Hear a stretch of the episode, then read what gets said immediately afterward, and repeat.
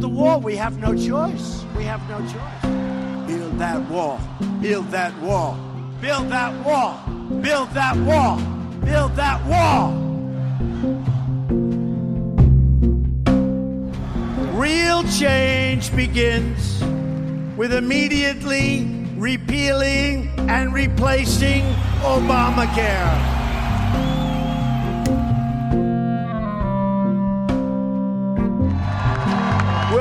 Tough crime prosecutors. We will nominate judges and justices who interpret the Constitution as written.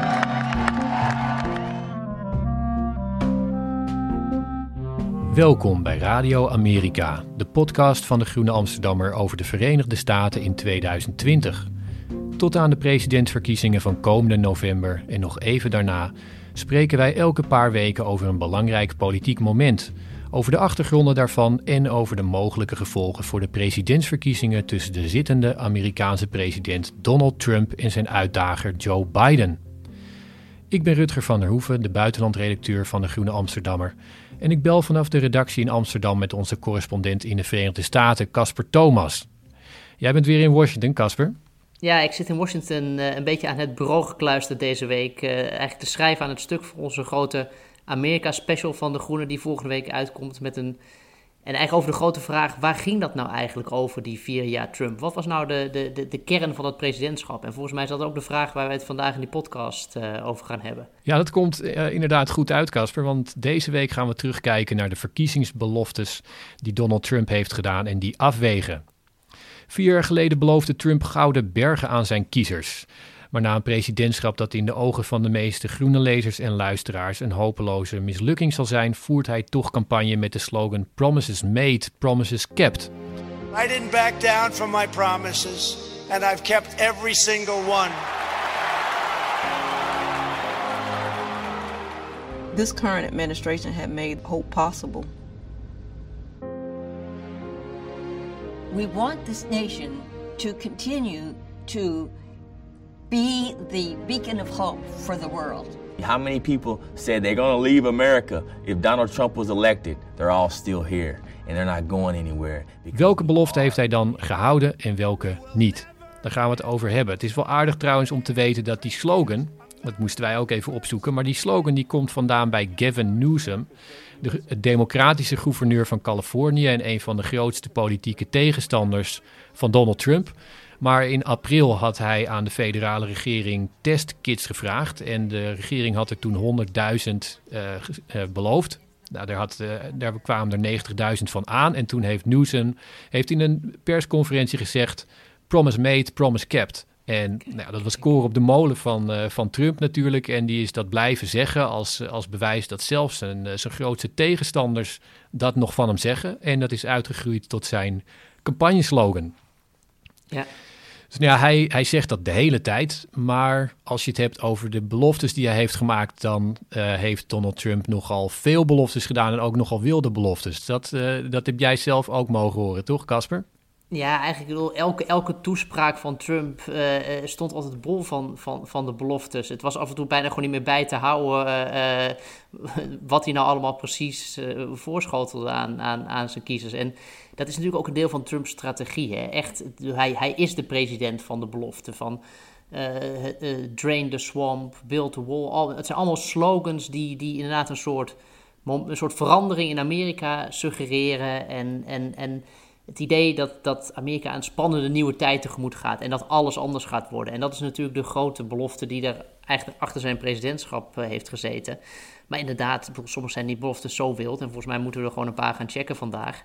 Uh, dat je eigenlijk vraagt, bedoel, heeft, dat, heeft dat ooit enige, enige bedding in de realiteit gehad? Ja, het is wel aardig om, om nog daar even bij, bij stil te staan. Ik heb zelf het ook een keertje mogen horen. Ik was bij een uh, campagne-rally van Donald Trump in New Hampshire. Er was een garage-eigenaar die had hem uitgenodigd en daar waren meer dan 10.000 mensen samen. En Trump die begon te praten en um, ja, hij doet dat altijd een beetje voor de vuist weg. En de dingen die hij beloofde, die waren gewoon op een gegeven moment volstrekt belachelijk. En hij beloofde gewoon van alles wat, wat gewoon niet kon. Ehm, maar ja, voor die achterban van hem was dat natuurlijk ook meer een soort. Uh, ja, een, uh, die begrepen wel dat het een hyperbol was en dat hij allemaal dingen beloofde die, die niet allemaal konden. Maar tegelijkertijd ook uh, dat hij er wel in de richting van zou, zou gaan werken. Maar als we even kijken naar die grootste beloftes die de heet het werden gescandeerd, laten we daar eventjes als eerste naar kijken. Want er waren twee echte ja, zou je kunnen zeggen, signature promises. De dingen die, die iedereen moest mee, uh, moest, moest mee uh, scanderen. Dat was ook op die rally zo. En dat was dan uh, lock her up and build that wall. Dat waren die twee dingen. Nou ja, we, ik, ik, ik laat jou die afweging maar even maken, Casper. Heeft hij dat gedaan of niet? Nee, kijk, en dat, en, en, en dat lock-her-up was natuurlijk ook een soort voorstelling. Dat ging over, over zijn rivaal in 2016, Hillary Clinton. En het was een soort voorstelling van presidentiële almacht. Dat uh, bijna een soort Hollywood-scenario van uh, de, de held die even de boeven gaat inrekenen. En nogmaals, ik denk dat het hier dus niet echt ging om, om de daadwerkelijke vervulling van de belofte. En dat iedereen nu met zijn vinkenlijstje zit om te kijken of dat wel gebeurd is. Want hij zegt het nu eigenlijk weer, alleen nu over Joe Biden. Het was van de week weer in een, in een, in een rally van Trump. Joe Biden is een crimineel en hij moet worden opgesloten. En Trump probeert gewoon constant die fictie te blijven voeden dat, er, dat de wereld van, van de politiek, en met name bij de Democraten natuurlijk, vervuld is van de halve criminelen die, die hij als een soort sheriff moet gaan, gaan op, uh, opruimen. Een soort Wild West uh, presidentschap. Ja, hij heeft het trouwens nog wel, nog wel aardig afgesloten, want hij heeft uiteindelijk gezegd dat hij, um, dat hij haar niet heeft laten vervolgen omdat hij haar wilde laten helen. Na de, ja, dat, de, is, de, dat, dat, is, dat is mooi. Maar kijk, het, het Kijk, de, de, president gaat niet over, over juridische vervolging uiteindelijk. En dat is, dat, dat, dat is die fictie die, die Trump hier probeert voor te stellen. Ja, en wat betreft die muur, uh, dat is alweer een tijdje geleden. Maar ik heb een keer een, een, een reis gemaakt door het zuiden van uh, Amerika, de hele, de hele zuidgrens af, om te kijken waar die muur nou uh, precies zou komen. Um, er is een, een, een, tiental kilometers bestaande grensafscheiding vervangen door iets wat inderdaad een, een muur is. Maar het idee, maar weet je, die muur, daar geldt hetzelfde voor. De 99% van de mensen die, die leven niet in de buurt van die muur, die, die zien die muur niet. En die, het, het, het, het gaat dus niet om het neerzetten van de muur, maar het gaat om de belofte dat je hem gaat bouwen. En daarom kon Trump zijn campagneslogan deze keer gewoon mooi recyclen. En vorig jaar was het build the wall en nu is het finish the wall. Dus, dus die, dat idee van die permanente belofte, dat is eigenlijk de manier waarop Trump zichzelf uh, aan zijn kiezers probeert te blijven verkopen. Elke keer rijken naar die stip op de horizon, maar je hoeft hem misschien niet eens te bereiken om populair te zijn. Maar er zijn ook dingen die hij wel heeft gedaan en waar zijn, waar zijn aanhang heel erg op wijst dat hij die heeft gedaan. En waar ze ook heel erg uh, ja, trots op zijn en hem op afrekenen. Het eerste daarvan is de belastingverlaging. Dat hebben, heeft hij altijd beloofd, dat hij een enorme, een huge tax cut zou, zou doen voor, voor werkende Amerikanen. En iedereen zou profiteren. Nou, een van de uh, grootste dingen die hij, dat heeft hij inderdaad gedaan in 2017. Dus zijn eerste jaar uh, als president nog. Hij heeft een, um, de bedrijfsbelasting omlaag gedaan van 35% naar 21%. Dat wilde hij nog lager, maar goed, 21 was ook al heel mooi. En toen heeft hij ook de belastingen van burgers verlaagd. Hij zei dat dat de, de, de grootste ooit was. Nou ja, dat, dat is natuurlijk dat was niet zo. Maar het was wel een, een aardige verlaging. Nu is wel zo dat die uh, belastingverlagingen die verlopen na een tijdje voor burgers. Um, de Republikeinse Partij zegt gewoon van ja, maar dan verlengen we die gewoon. Um, en een ander kanttekening erbij was dat de hoogste inkomens toch het meeste ervan profiteerden. Maar ja, tegelijkertijd is dat iets wat altijd wordt aangewezen van ja, uh, promise made, promise kept is overigens vastgesteld, echt door het congres zelf. Die heeft die belastingaangiftes nagerekend. En dus dat is een, een zeer onafhankelijke uh, doorrekening, kun je zeggen. En die hebben gezegd, het is heel duidelijk, de onderste 20% heeft er niet van geprofiteerd, de bovenste 20% wel. Dus ik denk dat, dat die belastingen misschien in die zin Trump nog wel een beetje in zijn staart kunnen bijten hoor, uh, bij de kiezer. Ja, we, we gaan het zien. In ieder geval is dat een van de dingen die hij steeds presenteert. Een andere die valt hem op geen enkele manier op af te dingen. Want dat is, uh, dat is helder dat hij die heeft, inderdaad heeft, heeft gehouden. Dat is zijn belofte om de hoofdstad Jeruz of Jeruzalem te erkennen als hoofdstad van Israël en de Amerikaanse ambassade naartoe te verplaatsen. En hij was niet de eerste die dat deed. Dat hebben een aantal uh, voorgangers ook al gedaan. Maar die struikelden dan steeds over de, ja, de politieke gevolgen die ze zagen hangen.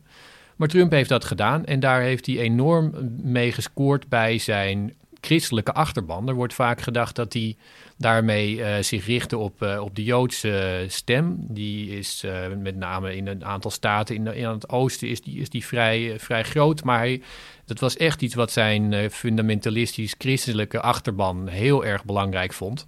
En dat heeft hij inderdaad gedaan. Dus die... Ehm, Jeruzalem is door hem erkend als Israëlische hoofdstad en die ambassade verplaatst.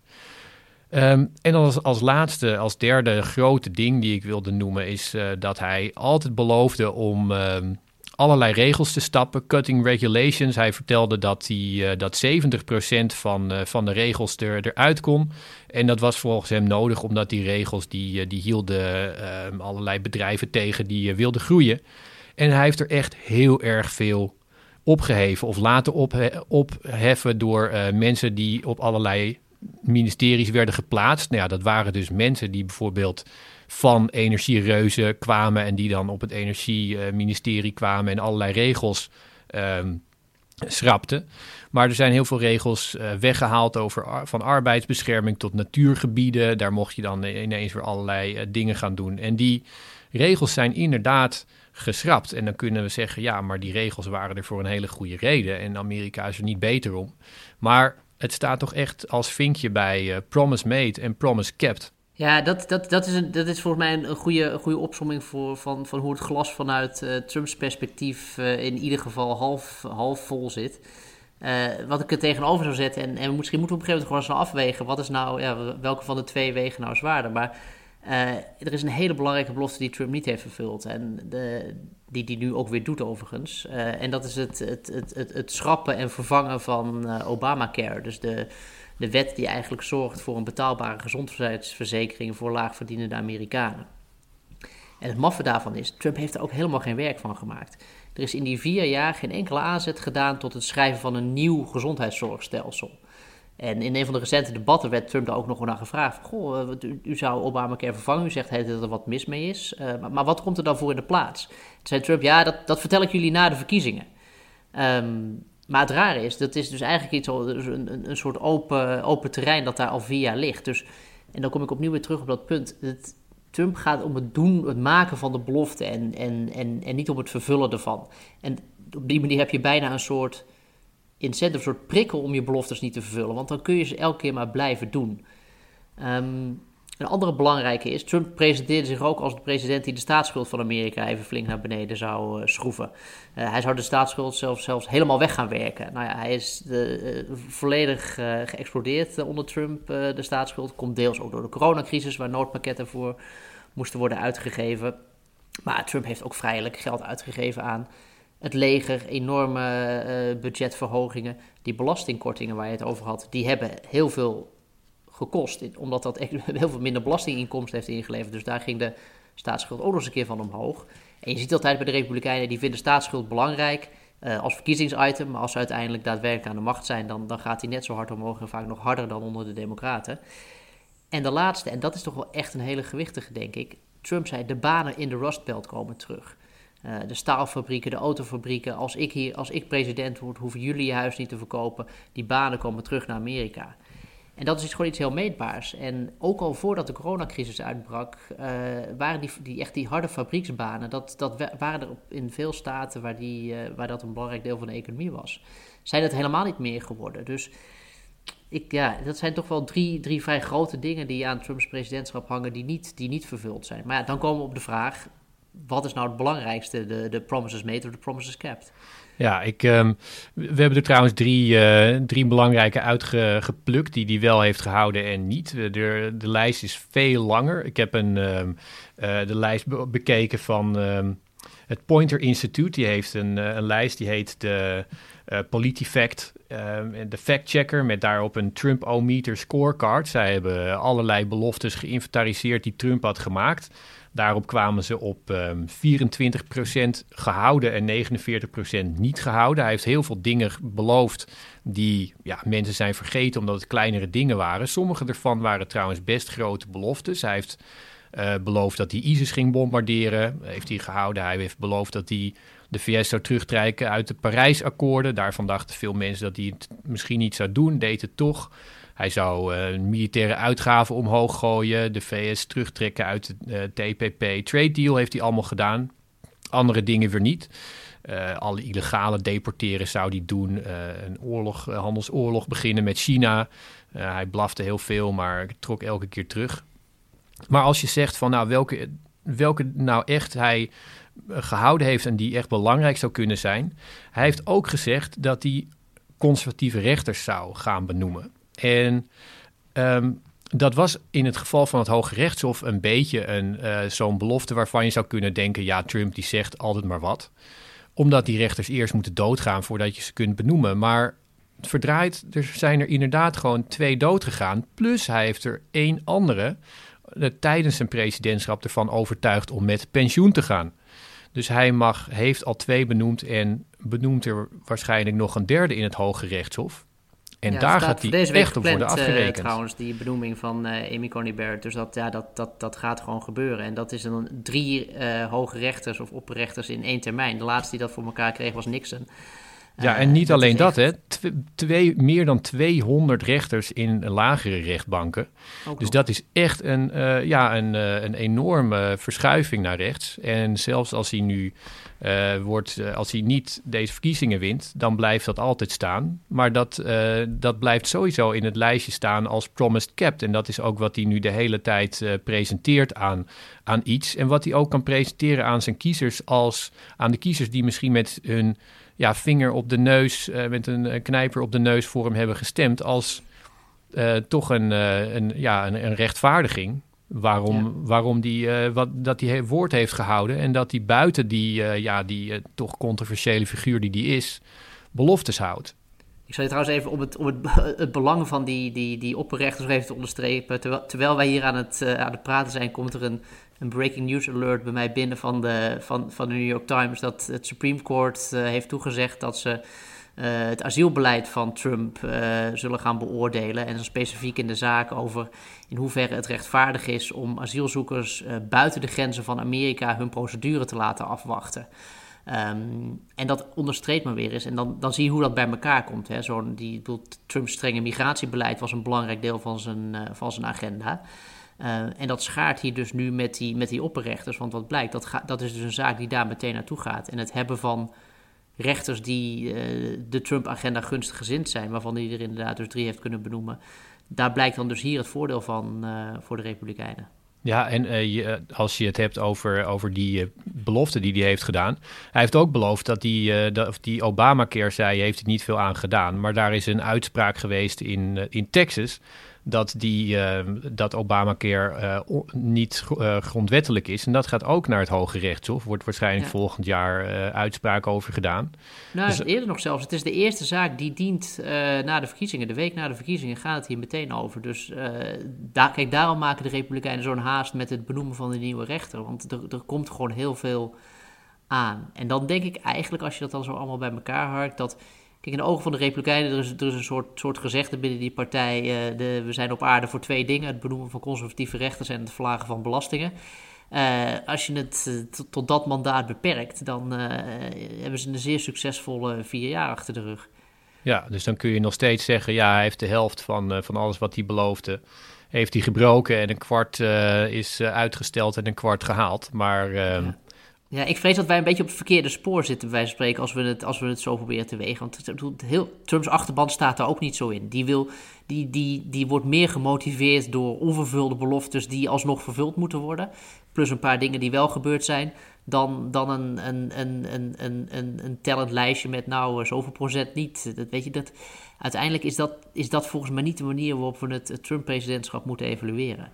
Ja, en vergeet niet, het is een, eh, gewoon een mooie slogan. Hè? Als je het vaak genoeg zegt en ehm, eh, je, je zegt de hele tijd promises made, promises kept. Als je naar de website gaat, promiseskept.com, dan eh, kom je op, op, op Trumps persoonlijke juichsite. Die vertelt hoe dat zit. Dus als je het herhaalt, dan is het ook iets wat, wat, wat waar kan gaan worden in het, in de hoofd van mensen die, die het niet allemaal even strak volgen. Dus in die zin is dat eh, net zoals Make America Great Again ook iets wat, eh, wat zijn eigen werkelijkheid kan creëren. Het enige, het enige waarvan ik denk dat waar Trump zich heeft vergalopeerd wellicht als, als de president van de grote belofte... is dat hij natuurlijk ook altijd de meest fantastische economie ooit voor Amerika heeft, eh, heeft, heeft voorgesteld. En de, net als het weer is de economie iets waar je als president natuurlijk maar in zeer beperkte mate echt controle over kunt uitoefenen. En als er nou iets is dat, dat, dat, dat Trump gaat nekken deze verkiezingen, denk ik toch, uh, is, is dat het toch de enorm opgelopen werkeloosheid weer. Het aantal Amerikanen dat onder de armoedegrens in het land is geraakt. Uh, en, en dan juist het schille contrast met Trump, die nog steeds de beste economie ooit belooft, zodra hij weer herkozen is. En als je ziet, nou, wat zijn nou eigenlijk de, de, de struikelblokken geweest voor presidenten die maar één termijn hebben gehaald. Denk aan Jimmy Carter of de oude Bush of zelf Hoover in de jaren 30. Was een grote economische crisis. Dat is eigenlijk het, hetgene waar een presidentschap echt keihard op stuk kan lopen. En wat dat betreft staat Trump er toch wel echt slecht voor. Tja, we gaan het uh, over twee weken weten we het al, eh, Casper. Uh, Althans, uh, hopen ja, wij. Ik, vind, ik, ben het, ja, het, ik begin een soort eindtijdgevoel te krijgen. Ik, het, uh, terwijl misschien de tijd gewoon doorgaat. Ik, ik, ik, ik weet het niet, maar het is een heel gekke, gekke periode. Hartelijk dank. Wij, Casper, ik bel je weer over twee weken. En dan, en dan we praten we misschien verder. Misschien wel iets meer over de uitslag. Precies. Of niet, we gaan het zien. Ik spreek je over twee weken, Rutger. Tot dan. U luisterde naar Radio Amerika, een podcast van de Groene Amsterdammer. In deze podcast spreken wij elke paar weken over een belangrijk politiek moment, over de achtergronden daarvan en over de mogelijke gevolgen voor de Amerikaanse verkiezingen tussen de zittende president Donald Trump en zijn uitdager Joe Biden. Volgende week komt er een speciaal nummer van de Groene Amsterdammer uit, gewijd aan de Verenigde Staten en aan de aanstaande verkiezingen, met als thema Van wie is Amerika? U kunt alvast een nummer bestellen op www.groene.nl/amerika. Dan gaat u geheel voorbereid de verkiezingsweek in. Later in de week is de reguliere podcast van de Groene Amsterdammer weer online. En over twee weken is er een nieuwe aflevering van Radio Amerika. Als u de podcast goed vond, deel hem alsjeblieft en like hem op het platform waarop u deze podcast luisterde.